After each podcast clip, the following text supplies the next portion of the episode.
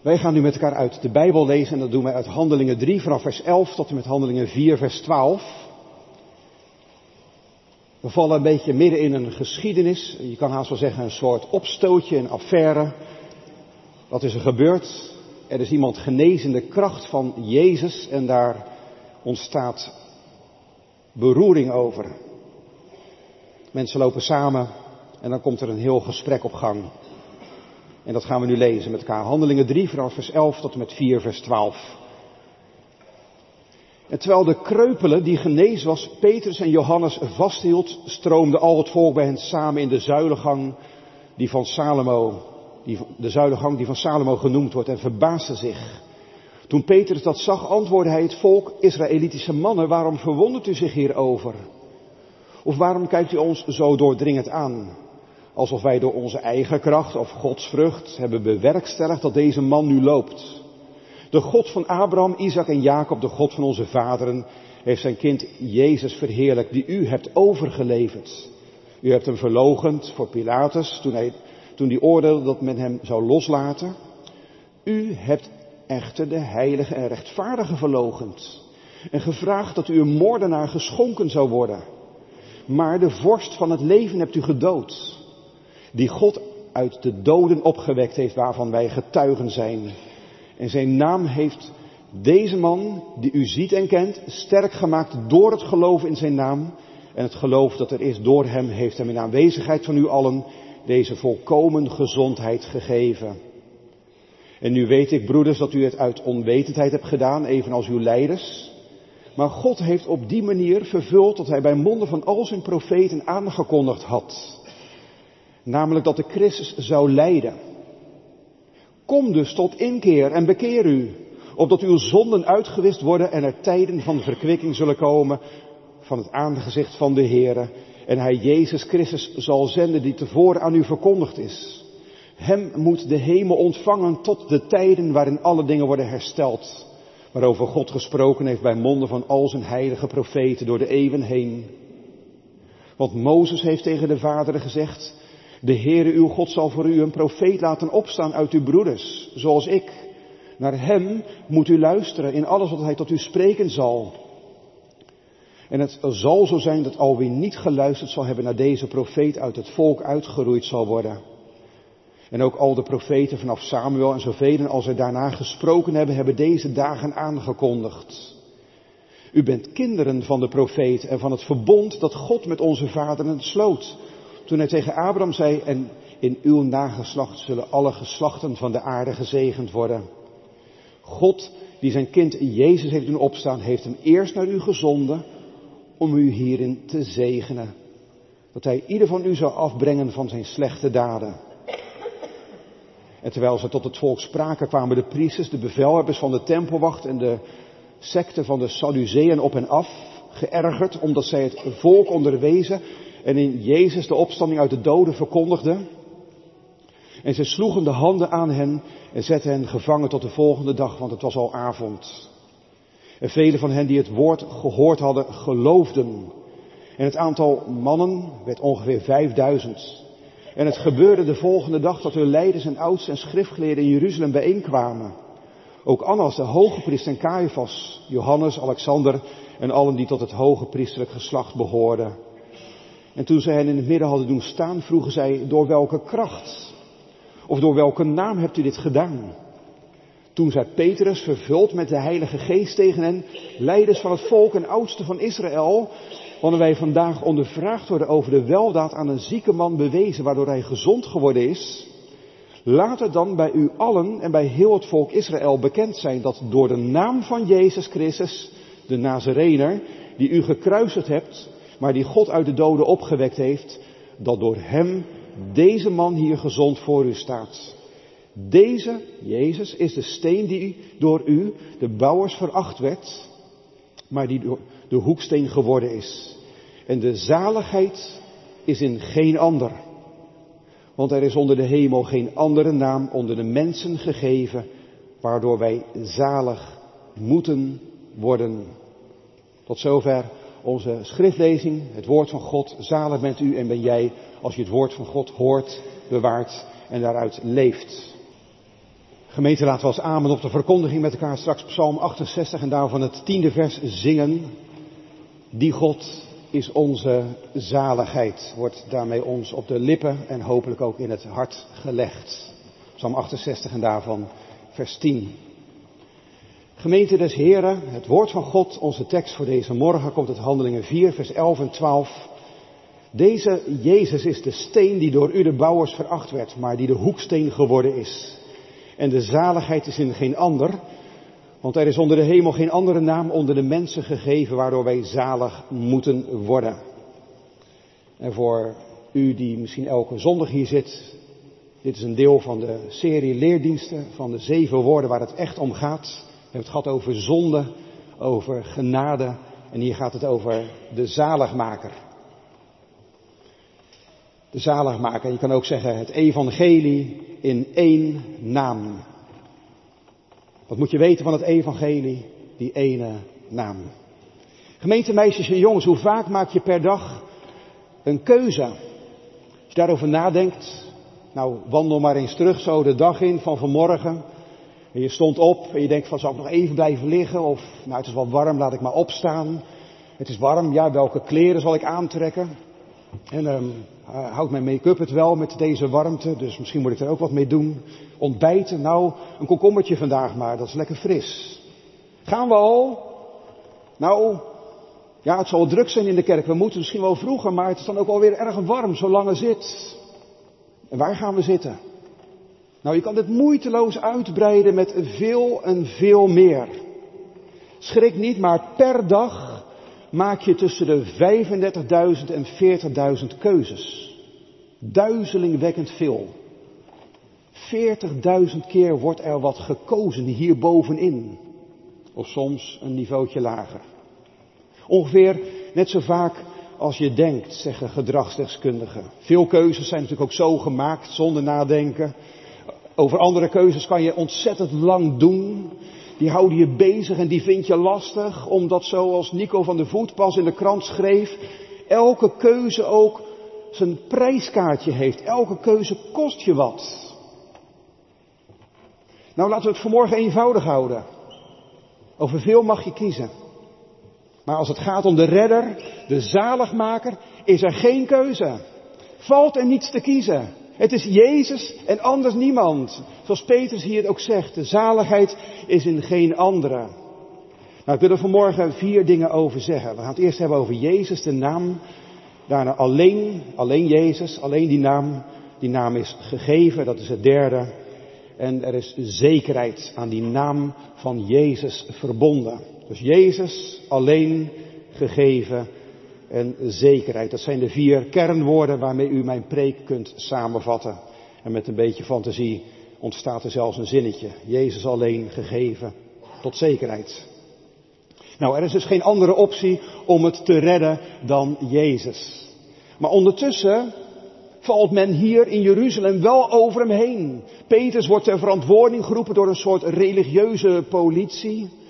Hoe haalt hij het in zijn hoofd om het over Jezus te hebben? Nou ja, als je toch vraagt, zo kan je bijna het invullen. Als je toch vraagt, dat, dat heb ik van Jezus zelf, zegt Petrus hier. Door zijn kracht is deze genezing hier gebeurd. Ze moeten wel weten wie erachter staat. Wie Jezus is. Wie is Jezus? Daarvoor put Petrus uit de psalm die wij net hebben gezongen. Deze is de steen die door u, de bouwers, veracht werd, maar die de hoeksteen geworden is. Dat komt uit Psalm 118. Bekende taal voor de mensen van toen, met wie Petrus hier in gesprek is en hun beschuldigingen beantwoordt. Wie is hier nou schuldig als je goed luistert? Nou, dat heeft te maken met, met wat jullie, zegt Peter, met Jezus doen. Hij keert eigenlijk de rollen om. Wat jullie met hem hebben gedaan of wat jullie met hem doen. Wat gebeurde er? Wellicht bekend. Dan hoort u het nog een keer, maar men wilde van Jezus af. Want hij prikte voortdurend door de schone religieuze schijn van deze mensen. Hij kijkt verder dan, dan de buitenkant. Kort en goed, het bracht hem het kruis. Zo kwam je toen van iemand af. Want Jezus die bracht hun toch niet tot God en ze redden het zelf al. Dat was hier de boodschap. Ze hadden immers hun status als volk van God, het eigen volk, door God uitgekozen. Ze hadden het boek van God. Dat hadden de andere mensen niet. En ze hadden een pracht van een godshuis, de tempel, daar waren ze trots op. Wat komt die Jezus eigenlijk doen? Die Jezus die daar met zijn storende woorden kwam, is voor hun niet relevant, maar zelfs knap irritant. Onnodig en ongevraagd kwam hij hun storen. En nu zijn ze nog niet van hem af. Meer dan zijn geest leeft nog voort. Gekruisigd, gestorven en nota bene weer opgewekt worden ze hier. Opgewekt uit de dood. Zij kunnen dan wel denken dat ze zo met hem kunnen omgaan. Als bouwvakkers hadden ze hem als een mislukte steen ergens op de puinhoop gegooid. Dat is de bekende taal van Psalm 118. En Petrus sluit daarbij aan bij de leefwereld van die mensen toen. Om in één keer door zo'n psalm het hele plaatje zichtbaar te maken. Kijk eens wat je aan het doen bent. Want wie Psalm 118 in die tijd kende, weet dat de verworpen steen juist de belangrijkste steen van het gebouw wordt. Het hele gebouw wordt op hem gebouwd. Ja, zeg je maar, wij leven in 2023, dat was toen. Vandaag kent niet iedereen Psalm 118, dat weet ik. Maar we weten wel, zoals we hier zijn, wat wij met Jezus doen, toch? Daar kunt u allemaal een antwoord op geven. Wat doet u met Jezus? En Petrus geeft het oude Godswoord in zijn toespraak hier een tijdloze draai. Hij vervangt namelijk een woordje. Hij zegt niet de steen die u verworpen hebt, maar de steen die u veracht hebt. Dus niet verworpen, maar veracht. In het taalveld van Petrus kan je zeggen, het is, dat, dat, dat gaat een beetje van niet geacht, onverschillig, tot en met minachten. Dat je als het ware hem uitspuugt. Nou ja, niets geacht, niet relevant, onverschillig, boeit mij niet, voegt niks toe in mijn leven. Zo komt Psalm 118 ook u en mij bevragen vanmorgen. Hoe gaan wij eigenlijk met Jezus om? Welke rol speelt Hij in je leven? Afgezien van de fanatici, onder andere godsdienstigen, hebben wij meestal geen hekel aan Jezus, denk ik zo. Nee. Maar relevant, nodig, gevraagd, is hij meestal niet vanzelf. Hoe kijk je naar hem? Wat kan en wil hij als redder, als zaligmaker in uw, jouw leven betekenen? Zoveel namelijk dat wij vanmorgen met z'n allen getuigen waren van de doop van drie kleine kinderen. Zij werden vanmorgen op naam van Jezus gezet, bij die steen gevoegd. Hij neemt ze voor zijn rekening. Zoals hij dat mogelijk bij u of jou langer geleden ook deed. Daar is dat jurkje een getuige van. Wellicht hangt het nog op zolder, ergens te verstoffen. Als u dat nou heeft, zou ik zeggen, haal het eens naar beneden en kijk er eens goed naar. Wat is dat voor een kapitaal? Nee, het jurkje zal geen duizenden euro's waard zijn, maar wat is hier een belofte mee samengevat, die allemaal, die helemaal samenkomt in de naam van Jezus, op naam van Jezus gezet, voor zijn rekening genomen. Allemaal om je te bevrijden uit het moeras van je eigen leven, om je te redden van je zonde, zodat je niet buiten God uitkomt. Dat zijn geen loze woorden, dat blijkt wel bij Jezus. Wat godsdienstigen, wat gewone mensen ook met hem deden of doen, wat wij vandaag met hem kunnen doen. Hij is geworden tot iemand om wie je niet heen kan. In bouwvakkerstaal, het hele gebouw rust op Jezus. Hij is de beslissende steen. Daar zit God achter zelfs. Hij heeft de aan het kruis gestorven zaligmaker uit de dood opgewekt. De vader geeft zijn zoon deze beslissende plek. En Petrus' tijdloze boodschap is daarom ook, weet wat je doet met deze Jezus. Want wat je met hem doet, dat doe je met God. Het is wel heel genadig hè, dat Petrus zo zijn, zijn beschuldigers confronteert. Want stel je voor hè, dat je daar nou te laat achter komt.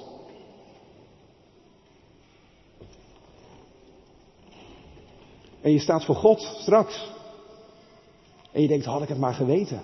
Had ik het maar serieuzer genomen. Had ik hem maar serieus genomen. Maar ik heb altijd Jezus veracht. Niet relevant, niet nodig. Dan blijkt dat God voor God beslissend is wat je met hem doet. Of hij in uw en jouw leven de cornerstone, de hoeksteen is of niet. Je valt voor hem en anders val je eens door hem, schrijft Petrus in zijn brief. Dat was het eerste, Jezus. En dan gaan we naar het tweede kernwoordje, alleen. In dat actieve deel van je dag maak je duizenden keuzes, onophoudelijk en tot vermoeiend toe soms. Tegelijkertijd hechten wij als mensen enorm aan onze keuzevrijheid. We willen niet beknot worden. Je wil vrij zijn om je eigen keuze te maken. Er moet toch ook wat te kiezen zijn, toch? Als er maar één optie is, ervaart dat niet bepaald als vrijheid, maar beklemmend en veel en veel te exclusief.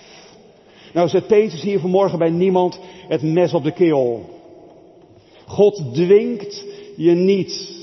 Hoewel, hoewel, ik kan het wel zo zeggen, maar in Lucas 14 is dat wel de opdracht waarmee God zijn dienaren uitstuurt. Dwing ze om binnen te komen. Zo voel je maar hoe die vrijblijvendheid ook tot in onze haarvaten naar binnen kan sluipen. Dwing ze. Dat is mijn opdracht ergens. Om u te dwingen naar binnen te komen bij deze zaligmaker. Maar dat doe ik niet met geweld.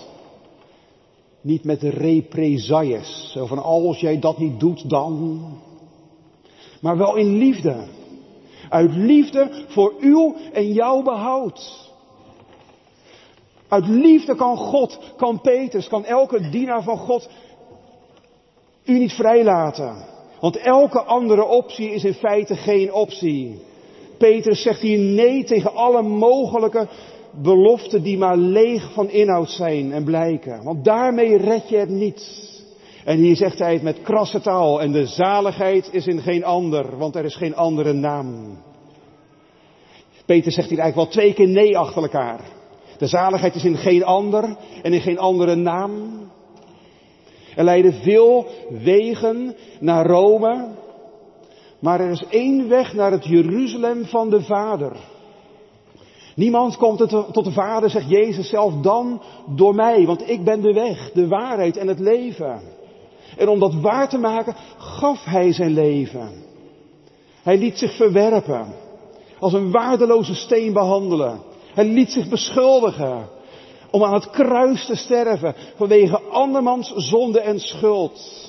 Zo baant Hij voor u, voor jou, wat je ook gedaan hebt en wat je ook meeneemt, de weg naar God, naar de Vader. Je kan niet om hem heen. Want dan kom je niet bij God, je schepper, uit. De hele Bijbel is doortrokken van dat besef. Steeds weer klinkt het goddelijk nee naar mensen die hun heil ergens anders zoeken. Gods eigen volk voorop. Laten we eerlijk zijn. Omdat namakgoden met hun instant oplossingen de schijn hebben van een snelle, gemakkelijke, concrete redding. En die namaakgoden, die komen in elke tijd weer terug. Hun naam, hun uiterlijk wisselt, maar hun beloften blijven hetzelfde. Iemand schreef over de lege belofte van geld, seks en macht. Het is ons mensen eigen om daarvoor te gaan. Om te gaan voor status, om te gaan voor je geluk, om te gaan voor je vrijheid, om te gaan voor je ik. Noem dat gerust zonde. En daarbij zijn wij mensen ongeneeslijk religieus. Godsdienstig in allerlei vormen en soorten, met allerlei namen en rituelen, waarbij het vooral neerkomt op hoe fix ik mijn redding, hoe krijg ik een gelukkig hiernamaals, desnoods met een God. En dichter bij huis, hoe kom ik tot degene die ik God noem? Nou zeg je, maar dat is helemaal geen relevante vraag voor mij hoor. Ik ben een goed mens. Ik leef goed, ik doe niemand kwaad en ik ben van de juiste overtuiging, de oude waarheid toegedaan, zei ooit iemand tegen mij, toen ik nog in Rotterdam werkte. Ja, voor mij een plaats in de hemel hoor. Dat was stuk van een ander. En daarmee kom je dicht bij het front van Petrus toen. Hun status als volk van God, mensen van het boek. Het het huis van God stralend in hun midden. Het is akelig hardnekkig, diep menselijk om daarvoor te gaan. Maar wat het je ook brengt, het brengt je geen zaligheid. Het is Jezus alleen of anders helemaal niet. Nou zegt Peters hier gemeten geen twee keer nee om alleen maar nee te verkopen. In de wiskunde, jongens en meisjes, jullie hebben misschien net de toets achter de rug. Ging niet bij iedereen zo succesvol, hoorde ik. Maar in de wiskunde, dat weet je toch wel, maakt min en min plus. Een soort basisregel. Geen ander, geen andere naam. Dat betekent dat met kracht hier wordt gezegd welke naam het wel is. Geen andere naam brengt ons bij die ene naam. Jezus. En die naam brengt je zaligheid. Gegarandeerd. Zeker weten. Geen twijfel over mogelijk wat God betreft. Daar zet God zelfs zijn handtekening onder. Het teken en zegel van de heilige doop, zoals we dat vanmorgen zagen. Voor u, voor jou, die misschien in een grijs verleden gedoopt zijn. Misschien helemaal verwaterd. Maar die zekerheid staat nog steeds. Al heb je er 80 jaar niets mee gedaan. U kunt erop terugkomen bij God. God garandeert jou uw behoud. Want hij heeft zijn naam aan die van u verbonden. Ook voor je als je niet gedoopt bent, biedt God zekerheid. Het zal zo zijn dat iedereen, iedereen die de naam van de Heere aanroept, zal zalig worden. Waarom is dat zo zeker? Nou, kijk eens naar die steen. Hij is al verworpen. Je kan hem wel op de puinhoop gooien. Je kan er omheen lopen. Maar God heeft hem de beslissende plek gegeven. Jezus is al gekruisigd. Hij is al gedood. Maar God liet hem opstaan uit de dood. En gaf hem een naam boven alle namen. Jezus leeft in eeuwigheid. En daarom, gemeente, is deze zekerheid zo zeker. Dat was het tweede. Jezus alleen gegeven.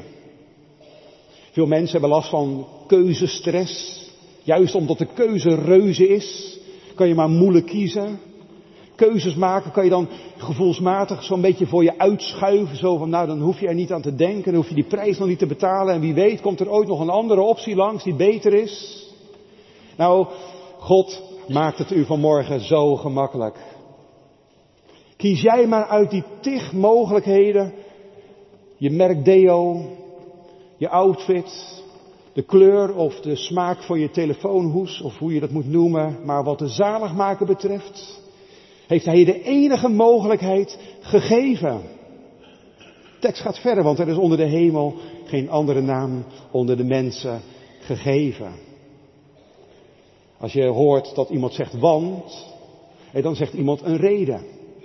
Dat klinkt als een uitleg. En die uitleg hier, die, die zindert van genade. Petrus legt uit waarom dat zo is. Waarom andere mogelijkheden je niets brengen, alleen maar lege beloften voorhouden. En waarom die ene naam Jezus je, je de zaligheid garandeert. Nou, waarom is dat dan zo? Jullie mogen dat gaan uitleggen straks aan je kinderen. Hele belangrijke taak als ouders. Waarom die ene naam Jezus je de zaligheid garandeert. Nou, waarom is dat zo dan? Nou, dat heeft alles te maken gemeten met God. En het feit dat Hij deze zaligmaker gegeven heeft. Als je daarover doordenkt, hè, denk je, waarom zou Hij eigenlijk? Kijk, dat wij als mensen er zo'n zootje van hebben gemaakt. Dat wij gered moeten worden. Dat is toch niet Gods probleem? Kijk, dat wij onze keuzevrijheid niet aankonden en aan kunnen, dat ligt echt aan u en aan mij. Satan had maar heel weinig nodig om ons te triggeren. Je zal als God zijn, dat was genoeg om voor die andere opties te kiezen die geen optie zijn. Om God voor overbodig te verklaren. Het heeft de wereld, de mensheid voor goed veranderd. De aarde is geen paradijs meer, dat merkt u wel, denk ik zo.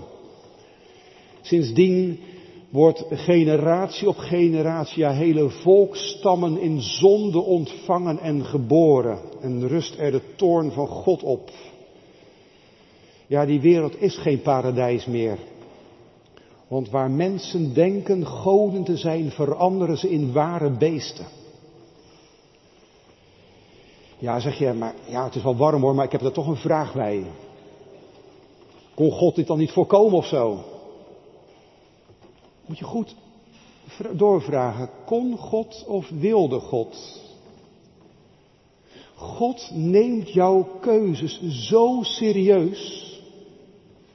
Dat je kan kiezen, dat maak je, dat maak je anders dan een beest. Je bent geen robot, geen dier.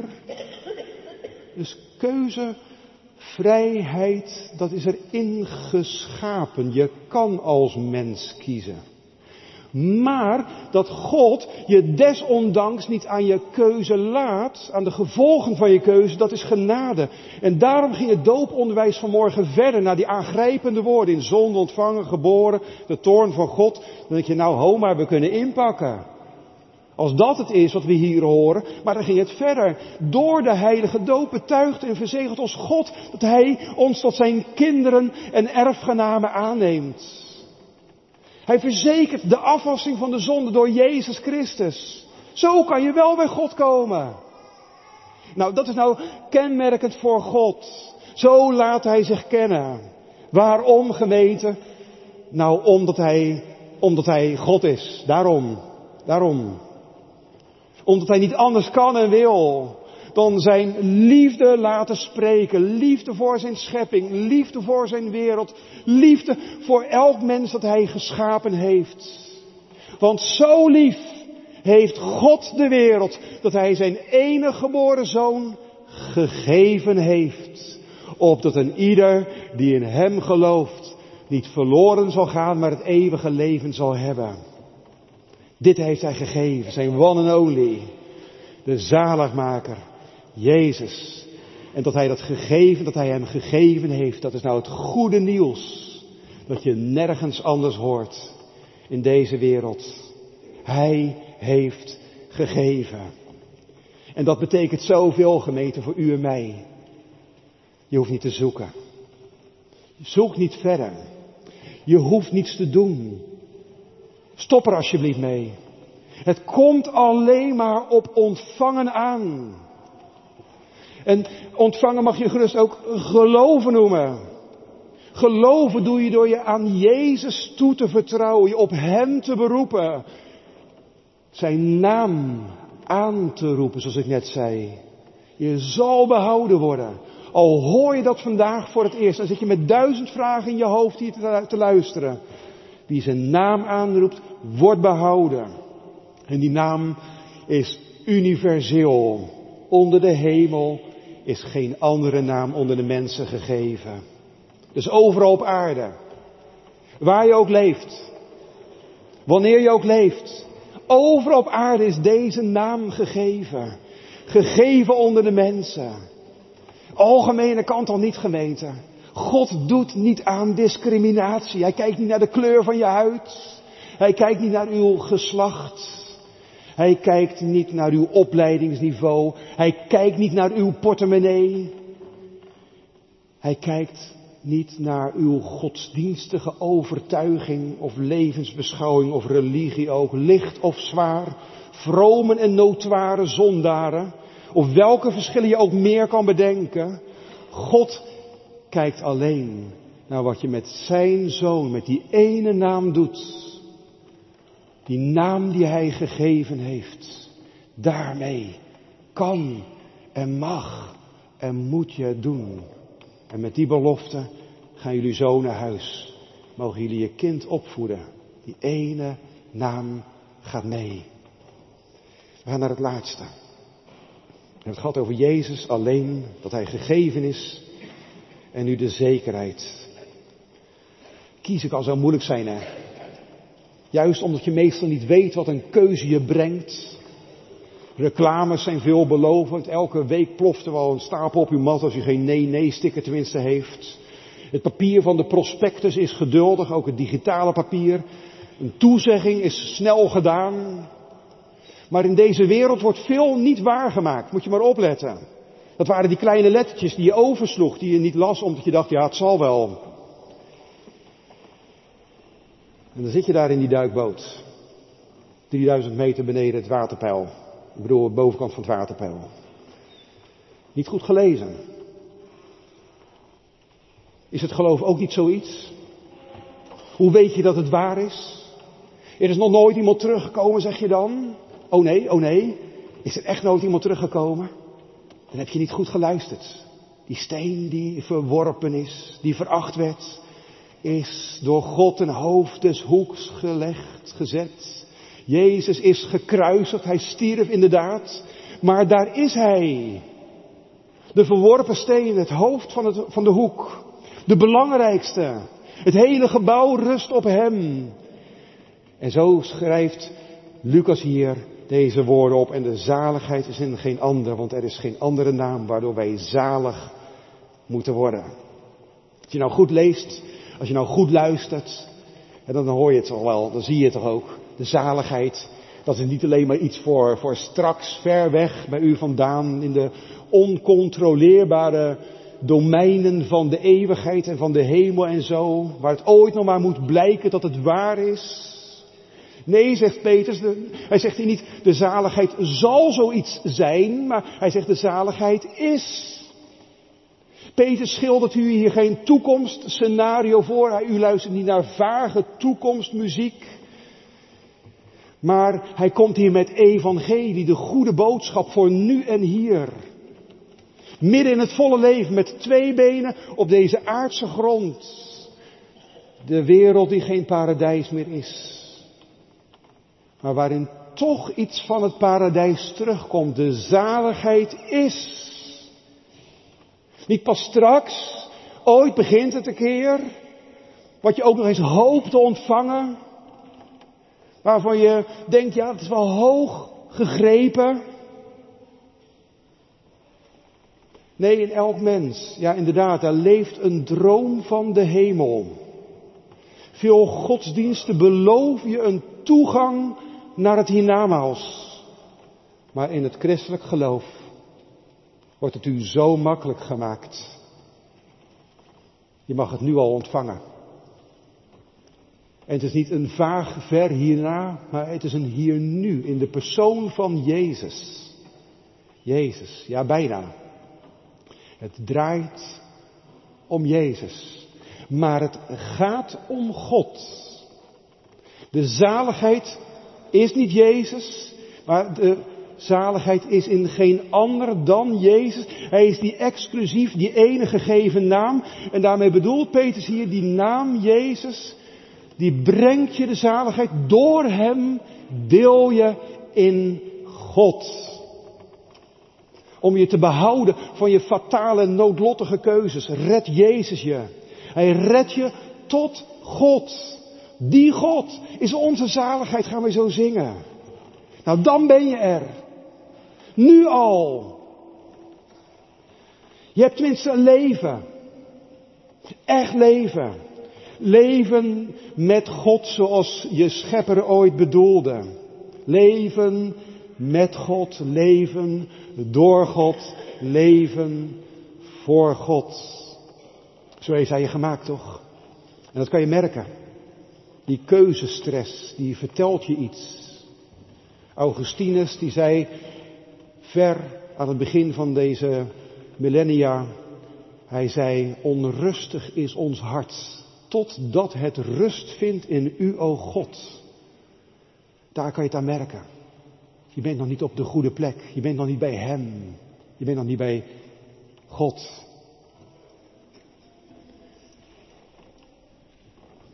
Maar als je nou vanmorgen zegt, hier is de zaligmaker. Ik roep hem aan, ik ontvang hem, dan heb je de zaligheid ontvangen. Hier nu al mag de rust komen, de onrust verdwijnen. En daarom ook hierna, met God is de hemel waar we naartoe leven, één en al zaligheid. Zonder God zal die hemel niets dan een hel voor u zijn. Al zou je alles wat je leuk, lekker en fijn vindt daar vinden. Gemeente, zaligheid is dus niet iets voor straks, dat is u wel duidelijk, maar het is voor nu en hier. Daar heeft Jezus zijn naam voor gekregen. Zalig maken van zondaren. Hij betaalde de hoogste prijs om je die redding te bieden. Van je zonde. Zonde? Waarom toch dat oude, akelige woord telkens? Wat is dan zonde? Alles waaruit blijkt dat je niet je geluk, je leven in God zoekt. Het bracht Jezus het kruis. Weet u wel? Omdat hij tegen iedereen zei, geef mij de schuld maar. En tegen de vader zei, reken maar met mij af. Daar danken wij de zaligheid aan. Als je je tenminste op hem beroept. Want als iedereen die de naam van de Heer aanroept zalig zal worden, we moeten wel eerlijk blijven naar elkaar dan is het zo dat iedereen die niet de naam van de Heer aanroept, verloren gaat. Als je op zo'n grote zaligheid geen acht slaat. Wanneer je blijft als die bouwers die denkt, die steen, die Jezus, wat moet ik ermee? Als je hem veracht, verwerpt, dan zullen de rampzalige gevolgen van dien ook je deel zijn. Maar iedereen die de naam van de Heer aanroept, die mag de zekerheid, de garantie van God hebben. Het moet en zal gebeuren. Je moet en zal zalig worden, schrijft Lucas hier. Door de doop zet God zijn onuitwisbare handtekening onder deze belofte. Een en al zekerheid. Waarom? Nou daarom. Kijk maar naar Jezus. Hij is door God uit de dood opgewekt. Kijk maar. Die verachte steen heeft de belangrijkste plek gekregen. Zo bouwt God zijn koninkrijk nog almaar door op. In die naam en door de kracht en de macht van Jezus, op gezag van Hem, op kosten van Hem, kom je tot God. En leef je het echte leven dat nooit meer voorbij gaat. En ontvang je werkelijk geluk dat zelfs door de dood niet ophoudt. Nou, daarvoor gaf God die ene naam. Gemeente, gasten, doopouders, doe het daarmee. Amen.